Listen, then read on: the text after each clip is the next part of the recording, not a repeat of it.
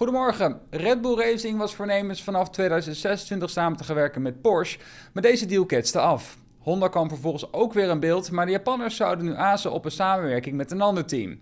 Red Bull heeft namelijk haar voorkeur liggen bij een partnership met fabrikant Ford.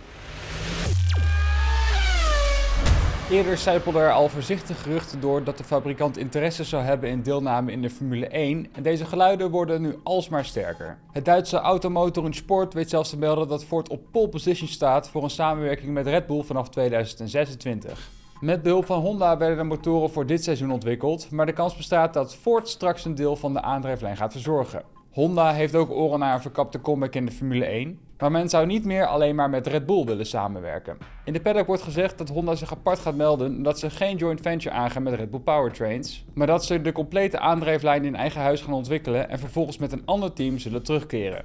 Dr. Helmut Marko zei eerder al dat er meerdere geïnteresseerden zijn om samen te werken met Red Bull vanaf 2026 en daar lijkt Ford er één van te zijn. De Amerikaanse autobouwer zou momenteel de beste papieren hebben. Ondertussen is er een duidelijke favoriet opgestaan. Men zegt dat dit Ford is, zo schrijft het Duitse medium. En Nick de Vries heeft een natpak overgehouden aan zijn afscheid bij Mercedes. De coureur maakt de overstap naar AlphaTauri om daar vanaf volgend jaar als vastrijder in te stappen en werd door het Mercedes-personeel getrakteerd op een ruwe en kletsnat afscheid. Hij werd namelijk in het water gegooid en vervolgens vastgebonden op een trolley afgeleverd bij zijn nieuwe team AlphaTauri. En Jos Verstappen kijkt ontzettend tevreden terug op het afgelopen Formule 1 seizoen, waarin zoon Max een recordbrekende 15 overwinningen boekte. Volgens de Limburger is het belangrijk hiervan te genieten.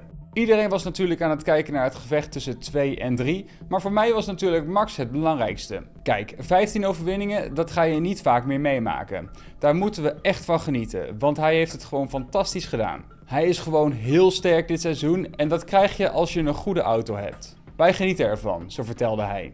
Op de vraag of de voormalige Formule 1-coureur toe is aan de winterstop, antwoordde hij het volgende. Tuurlijk ben ik heel erg betrokken, maar ik doe natuurlijk niet zoveel als Max. Voor Max komt hij wel op het goede moment. Hij is er gewoon een beetje klaar mee nu. Als je het kampioenschap binnen hebt, is de druk er vanaf en dan is het minder spannend. Voor Max was het gewoon belangrijk dat hij dat record met die overwinningen verbrak. Ik denk dat dat het belangrijkste is.